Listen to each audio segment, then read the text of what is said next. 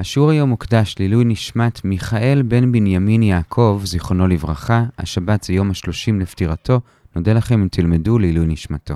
כל מי שרוצה להקדיש שיעור, מוזמן להיכנס לאתר סיני, ושם למעלה בתפריט. שלום לכולם, אנחנו לומדים את דף י"ד במסכת ראש השנה באתר sny.org.il. אנחנו מתחילים את הלימוד בברייתא בערך ברבע העליון של עמוד א', ונסיים ברבע העליון של ט"ו עמוד א', השיעור היום יהיה 14 וחצי דקות. גם היום אנחנו ממשיכים לעסוק בשלב שקובע לאיזה שנת מעשר כל גידול שייך, והיום נחלק את זה לשלושה חלקים. בחלק הראשון נראה למה בירקות הולכים לפי הלקיטה ולא לפי שלבים מוקדמים יותר, כמו שליש גידול או חנתה. בחלק השני נראה למה בפירות האילן הראש השנה זה לא באלף בתשרי, אלא בשבט. ובחלק השלישי נראה מה השלב הקובע לגבי האתרוג. אז אנחנו מתחילים בחלק הראשון, כמו שראינו אתמול, השלב שקובע את שנת המעשר בתבואה וזיתים זה שליש גידול, בפירות האילן זה חנתה, שזה די מקביל לשליש גידול, כלומר כשיש התחלה מסוימת של פרי, שאולי בדוחה גם אפשר לאכול אותו, אבל בירקות השלב מאוד שונה, וזה הלקיטה, כלומר ממש הסוף של הפרי. השאלה היא למה? כלומר למה בפירות האילן חז"ל לקחו משהו שדומה לשליש גידול, ואילו בירקות הלכו על שלב הרבה יותר מאוחר, הלקיטה. אז לגבי זה, הגמרא מביאה ברייתא שיש בה שני הסברים מאוד דומים. לפי שני הסברים, מה שקובע לאיזה שנה כל גידול שייך, זה לא מתי הוא גדל, אלא איזה שנה, או יותר נכון, המים של איזה שנה, גרמו לו לגדול. ובזה יש הבדל מהותי בין תבואה, זיתים ופירות האילן לבין ירקות. מה ההבדל? אז כאן יש כאמור שני ניסוחים בברייתא, אבל הם די דומים, בסוף נראה להם נפקא. הניסוח הראשון להבדל זה של רבי יוסי הגלילי, שהוא אומר שפירות האילן דומים לתבואה וזיתים, בזה שבשניהם עיקר ההשפעה של הגשם זה בהתחלה, כלומר עד שליש גידול או עד הכנתה. אחרי זה ההשפעה של הגשם כבר פחותה, ורש"י מדגים את זה שאם יש זיתים שהביאו שליש, אם נקטוף אותם עכשיו, אז הם לא יגדלו עוד פעם. כלומר, הגשם שקובע זה הגשם שהיה בהתחלה, שגרם לו להביא את השליש גידול או את הכנתה, ולכן אם הוא הביא שליש גידול או חנת לפני ראש השנה, אז מה שהשפיע זה הגשם שלפני ראש השנה, ולכן זה נחשב לשנה שנה שעברה. אם אחרי ראש השנה, אז אחרי. זה בתבואה וזיתים. אבל בירקות זה לא כך, אלא הגשם משפיע כל הזמן, עד אל הכיתה. ורש"י גם מדגים את זה, שאם למשל נקטוף את הירק אחרי שליש, אז אחרי זה אם יבוא עוד גשם, הוא יגדל עוד פעם. כלומר, הגשם תמיד משפיע, וממילא בירקות אין לי סיבה לומר שנלך לפי הגשם שהיה בהתחלה. כי גם הגשם שבא אחרי זה משפיע, לכן אני הולך לפי הסוף, לפי הלכיתה. זה הניסוח של רבי יוסי הגלילי. הניסוח השני זה של רבי עקיבא, שהוא מאוד דומה, רק שהוא ממקד את זה במשהו אחר, וזה שבתבואה וזיתים ובפירות, אנחנו מסתמכים בעיקר על הגשם, וכמו שכבר אמרנו, הגשם העיקרי השפיע בהתחלה של הגידול, עד השליש או עד הכנתה. לעומת זאת בירקות, אנחנו לא מסתמכים רק על הגשם, אלא גם אנחנו משקיעים באופן מלאכותי. ולמה אנחנו משקיעים באופן מלאכותי? כי באמת ההשקיה כל הזמן מועילה, גם אחרי השליש גידול, אז גם זה מראה שהמים משפיעים כל הזמן עד סוף הגידול, וממילא, כמו ברבי יוסי הגלילי, אין סיבה ללכת לפי הגשם הגשם של ההתחלה, אלא הולכים לפי הסוף.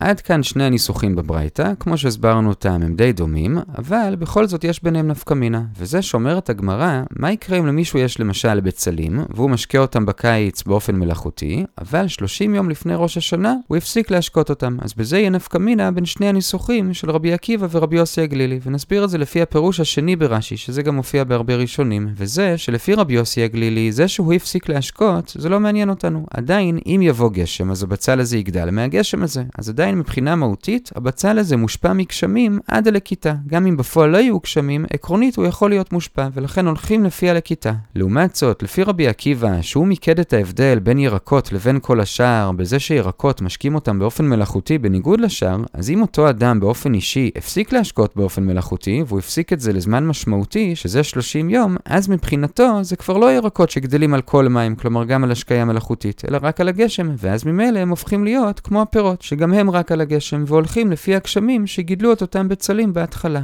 וזה היה לפני ראש השנה, כמו בפירות. אז זאת הנפקמינה בין שני הניסוחים, אבל כאמור, אנחנו חושבים שהעיקרון של שני הניסוחים הוא דומה. עד כאן החלק הראשון של השיעור, למה בפירות, תבואה וזיתים הולכים לפי התחלת הגידול, כי ההשפעה העיקרית של הגשם היא בהתחלה, ואילו בירקות הולכים לפי הלקיטה, כי שם הגשם משפיע כל הזמן, או כי שם עושים השקיעה מלאכותית, וזה משפיע כל הזמן, ולכן הולכים לפי הסוף. החלק השני של השיעור, שזה בנקודותיים לקראת סוף עמוד א', זה לגבי ראש השנה לאילנות, שזה בשבט, לפי בית שמאי באלף בשבט, לפי בית הלל בט"ו בשבט.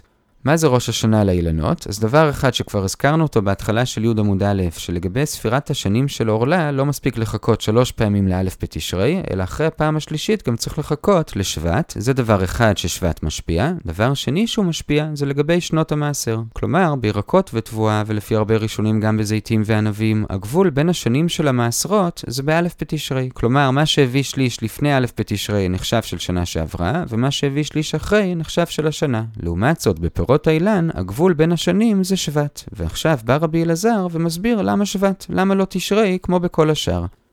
אז נסביר את זה קודם בצורה מאוד פשוטה, ואחרי זה ניכנס קצת יותר לאיך שבגמרא זה מנוסח. ההסבר הפשוט הוא שהראש השנה זה בהתחלה של העונה החדשה, כי גם בפירות וגם בתבואה יש עונה אחת בשנה, והשאלה היא מתי העונה הזאת מתחילה. אז בתבואה העונה מתחילה כבר בתשרי, כי באמת אם נשתול כבר בתשרי את התבואה ויהיה גשם, אז זה כבר יתחיל לגדול מאוד מהר. לעומת זאת בפירות, הפירות החדשים של העונה לא גדלים כל כך מהר, כלומר בתשרי, חשוון וכולי, עוד לא נראה פירות חדשים. אם יש פירות זה רק משנה שעברה. מתי נתחיל להתחיל לראות התחלה של פירות חדשים, הכי מוקדם זה בשבט. ממילא שבט זה ההתחלה של העונה החדשה, ולכן זה ראש השנה לפירות. זה ההסבר הפשוט. עכשיו בגמרא רבי אליעזר מעמיק את זה קצת, ונותן הסבר שקשור לגשם, שזה מתקשר למה שגם אמרנו מקודם לגבי הגשם, וזה שמה שמעניין אותנו זה הגשם שגרם לגדילת הפרי, וממילא ראש השנה בא להבדיל בין הפירות שגדלו מגשם של שנה אחת, לבין פירות שגדלו מגשם של שנה אחרת. אז בדברים שגדלים מהר, כמו תבואה, אז הגבול הזה יהיה לפני תחילת עונת הגשמים החדשה, שזה בעצם ראש השנה, כי מתשרי יכול להתחיל כבר הגשם של השנה החדשה, וממילא כל מה שגדל לפני תשרי זה כי הוא הושפע מהגשם שהיה לפני זה בחורף, כל מה שגדל מא' בתשרי והלאה זה כי הוא מושפע מהגשם החדש, זה פשוט. לעומת זאת בפירות זה לא כך, לפירות לוקח הרבה יותר זמן להתחיל לגדול, גם אם יש גשם מיד בתשרי, אנחנו לא נראה כבר פירות חונטים. אם בכל זאת איכשהו נראה פירות חונטים בתשרי, חשוון, כסלו, טבת, זה לא כי הם קיבלו גשם מהשנה, זה כי הם עדיין מושפעים מהגשם של שנה שעברה, כי כאמור לפירות לוקח הרבה מים עד שמצליחים להגיע לשלב של חנתה. מתי בכל זאת מתחילה העונה החדשה של החניתה של הפירות, כלומר הפירות שחונטים מהגשם של השנה, לא של שנה שעברה, זה קורה בשבט. כלומר עד שבט כבר ירד מספיק גשם בשביל שעכשיו כבר נגדיר את זה כעונה חדשה של חנתה שמושפעת מהגשם שירד השנה. לכן בפירות, שבט זה הראש השנה, כי זה התחלת העונה החדשה של הפירות. אז שוב, כמו שבתבואה העונה החדשה מתחילה כבר בתשרי, כי אז באמת התבואה מתחילה לגדול, כבר מהגשם של השנה, בפירות העונה החדשה מתחילה בשבט, כי רק אז הפירות מתחילים לגדול מהגשם של השנה.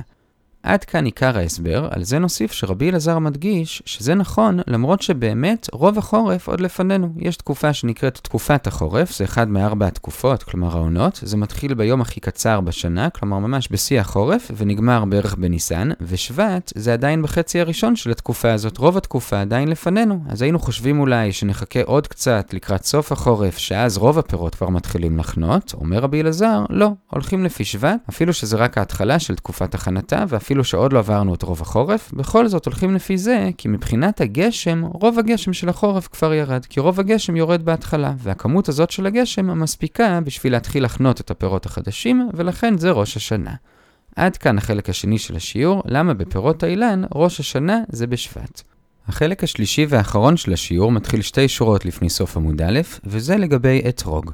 מה שמיוחד באתרוג זה שמצד אחד הוא עץ, לכן לגבי עורלה, רבעי ושביעית אנחנו הולכים לפי הכנתה, כמו בעצים, אבל מצד שני מבחינת צריכת המים שלו הוא כמו ירקות, כלומר הוא צריך כל הזמן מים ומשקים אותו באופן מלאכותי והוא מושפע מהמים הזה עד הסוף. ממילא לגבי מעשר, יש מחלוקת במשנה בביקורים, זה מובא בשורה הרביעית בעמוד ב', האם להתייחס אליו כמו לירק או כמו לעץ. רבי אליעזר אומר שזה עדיין כמו עץ, וגם לגבי שנות המעשר זה הולך לפי הכנתה, רבן גמליאל אומר של לגבי מעשר זה כמו ירק, וזה הולך לפי הלקיטה. שוב, רבי אליעזר אומר חנתה, רבן גמליאל אומר לקיטה. זאת המחלוקת לגבי אתרוג, והיום לגבי זה נראה שני דיונים. הדיון הראשון, בשביל זה נחזור לשתי שורות לפני סוף עמוד א', זה ברייתא עם סיפור על רבי עקיבא. הסיפור הוא שהוא כתב אתרוג באחד בשבט, בשנה השלישית של שמיטה, כלומר בשנת מעשר עני, והוא התלבט האם האתרוג הזה שייך לשנה הזאת, ואז הוא צריך מעשר עני, או שהוא שייך לשנה שעברה, ואז צריך מעשר שני, ואז מספק הוא הפריש שני מעשרות, גם מעשר שני וגם מעשר עני. עכשיו באותה משנה יש מחלוקת מה בדיוק היה הספק שלו. תנקמה אומר שהיה ברור לו שאתרוג הולך לפי הלקיטה, כלומר לפי מה שעכשיו, והספק שלו היה בין בית שמאי לבית הלל, כי הרי בית שמאי אומרים שראש השנה זה באחד בשבט, ואז זה כבר נחשב השנה השלישית, ובית הלל אומרים שזה רק בט"ו בשבט, ואז ממילא אחד בשבט זה עדיין השנה הקודמת, ולכן הוא התלבט והוא הפריש פעמיים. זאת אפשרות אחת. אפשרות שנייה לספק שלו זה רבי יוסי ברבי יהודה, הוא אומר שמבחינת ראש השנה, בזה לא היה לו ספק. הספק שלו היה לגבי המחלוקת באתרוג, האם ללכת כמו רבן גמליאל, שזה לפי הלקיטה, ואז זה שנה שלישית, או כמו רבי אליעזר, שזה לפי החנתה, והאתרוג הזה חנת לפני שבט, וממילא זה של השנה השנייה. זאת האפשרות השנייה להבין את הספק. אז שוב, שתי אפשרויות להבין את הספק, או שהיה ברור לו שהולכים לפי הלקיטה, והספק היה בין בית הלל לבית שמאי, מתי ראש השנה, או שהספק שלו היה במחלוקת רבן גמליאל ורבי אליעזר, האם ללכת ללכת לפי הלקיטה או לפי הכנתה. עד כאן המשנה, ועכשיו נראה על המשנה הזאת שתי הערות. הערה אחת, זה איך יכול להיות שמספק הוא עשה שני דברים סותרים. כלומר, הוא התייחס לאתרוג הזה גם כשל שנה שנייה וגם כשל שנה שלישית. הרי כתוב בברייתא שמי שעושה מספק כשני הצדדים לחומרה, נאמר עליו, והכסיל בחושך הולך. כלומר, זה מעשה טיפשים. תחליט כמו מי אתה פוסק ותלך כמותו.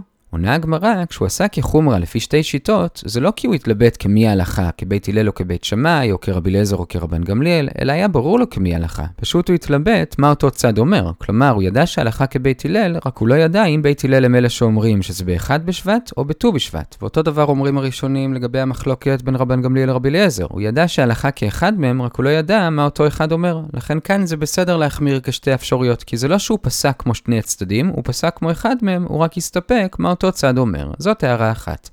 הערה שנייה לגבי המשנה של רבי עקיבא זה ממש באמצע עמוד ב', לפי האפשרות השנייה להסביר את המחלוקת, לכאורה יוצא שרבי עקיבא פוסק כמו בית שמאי. למה? כי הרי הסיפור הזה קרה באחד בשבט, והוא התלבט האם ללכת לפי עכשיו, לפי הלקיטה, ואז השנה השלישית, או לפי הכנתה, שזה היה לפני אחד בשבט, ואז השנה השנייה. אבל בכל אופן, מה אנחנו רואים? שהגבול הוא אחד בשבט, כלומר שאחד בשבט הוא ראש השנה, כלומר כמו בית שמאי, וזה הרי לא סביר.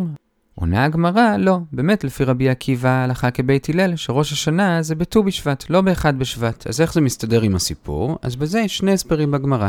הסבר אחד זה של רבי חנינא, שהוא אומר שכאן מדובר באתרוג שחנת לא לפני אחד בשבט, אלא לפני ט"ו בשבט בשנה שעברה. ואותה שנה הייתה השנה השלישית מאז השמיטה, אבל כיוון שזה היה לפני ט"ו בשבט, זה נחשב של השנה השנייה, והוא ליקט את זה מתישהו אחרי ט"ו בשבט. למשל, כמעט שנה אחרי זה, באלף בשבט, שזה מה שקרה באמת, וזה נחשב של השנה השלישית, והוא התלבט האם ללכת לפי הכנתה וזה השנה השנייה, או לפי הלקיטה וזה השלישית. זה ההסבר הראשון. לפי ההסבר הזה, זה שהסיפור קרה באחד בשבט, זה מקרי לגמרי. זה יכול לקרות גם באותה מידה בכ"ז בכסלו, או בו' באלול, זה לא משנה. העיקר שזה קרה אחרי ט"ו בשבט של שנה שעברה. זה ההסבר הראשון. הסבר שני, קצת יותר פשוט, זה פשוט לשנות את הברייתא. כלומר שכשרבי יוסי בברייתא הסביר את הספק של רבי עקיבא, באותה הזדמנות הוא גם שינה את הסיפור מ-1 בשבט לט"ו בשבט, וכך באמת מה שקובע זה ט"ו בשבט. אלה שני ההסברים, ועד כאן הדיון הראשון לגבי אתרוג, ראינו את המחלוקת וראינו את הסיפור על רבי עקיבא, שלפי ההסבר השני הוא התלבט בדיוק במחלוקת הזאת. הדיון השני לגבי אתרוג, ובזה נסיים, זה עשר שורות לפני סוף עמוד ב', וזה אמירה של רבא בר אבונה לגבי שיטת רבן גמליאל, שאתרוג הולך לפי הלקיטה לגבי מעשר, ויש שתי גרסאות הפוכות מה הוא אמר על זה. לפי הגרסה הראשונה, הוא אמר שכיוון שרבן גמליאל בעצם אומר שאתרוג הוא כמו ירקות לגבי מעשר, שזה הולך לפי לכיתה, אז גם לגבי הזמן של ראש השנה של האתרוג, גם זה כמו ירקות. כלומר שזה לא בט"ו בשבט, אלא באחד בתשרי, כמו בירקות. זאת הגרסה הראשונה, אבל הגמרא מקשה על זה מברייתא של רבי שמעון בן אלעזר. שם רבי שמעון בן אלעזר אומר בדיוק כמו רבן גמליאל, כלומר גם הוא אומר שמה שקובע למעשרות לגבי אתרוג זה הלקיטה, ובכל זאת הוא בפירוש אומר שהזמן שקובע זה ט"ו בשבט. כלומר זה שאתה הופך את אתרוג כמו ירק לגבי הלקיטה, זה לא אומר שאתה גם משנה לו את ראש השנה. ממילא את הגרסה הראשונה דחינו, ולכן הגרסה השנייה היא באמת בדיוק להפך, שזה בדיוק מה שרבא בר אבונה אמר. כלומר, שהוא אמר שגם לפי רבן גמליאל, שלגבי מעשר האתרוג הוא כמו ירק לגבי הלקיטה, זה לא אומר שהוא כמו ירק לגבי ראש השנה, אלא עדיין הראש השנה שלו זה בט"ו בשבט, ולא באלף בתשרי. זאת הגרסה השנייה, והגמרא חוזרת על זה גם בשורה ה-11 בט"ו עמוד א', שרבי יוחנן שאל את רבי ינאי מתי ראש השנה של האתרוג, וגם הוא אמר לו שזה בשבט, והוא הדגיש שזה תמיד בשבט, גם אם זה בשנה מעוברת. עד כאן עיקר הדיון השני לגבי אתרוג, רק נוסיף משהו בסוגריים, וזה בשורה החמישית בט"ו עמוד א', וזה שהגמרא שואלת שאלה סגנונית על הברייתא שעכשיו הזכרנו, כשהברייתא הזאת הביאה דוגמה לאתרוג, שמצד אחד הכנתה הייתה לפני ט"ו בשבט, ומצד שני הלקיטה הייתה אחרי, ושיש לזה נפקמינה לגבי מעשר שני ומעשר עני, הדוגמה שהיא הביאה זה מהשנה השלישית לרביעית, כלומר שהכנתה הייתה בשלישית והלקיטה ברביעית. לעומת זאת, בי"ב עמוד א' למטה, כשראינו ברייתא שדיברה על אותו עיקרון רק לגבי ירקות, שגם שם הולכים לפי השנה של הלקיטה, אז שם הדוגמה שהברייתא הביאה לא הייתה מהשנה השלישית לרביעית, אלא מהשנייה לשלישית. אז למה בברייתא אצלנו לגבי אתרוג הדגימו את זה מהשלישית לרביעית? אומרת הגמרא תשובה מציאותית, כי פשוט אין אתרוגים בשנה השנייה. למה אין אתרוגים? כי הרי בשנה השביעית הכל הפקר, וכולם נכנסים לשדה שלי ונוגעים בכל האתרוגים, וזה עושה לעץ בלאגן, ושנתיים הוא לא מגדל כלום, ורק בשלישית יש לו אתרוגים, ולכן הדגימו מהשלישית לרביעית ולא מהשנייה לשלישית, כי בשנייה פשוט אין. זה היה בסוגריים, בזה הגענו לסוף השורה העשירית בט"ו עמוד א', נעצור כאן, נחזור על מה שראינו.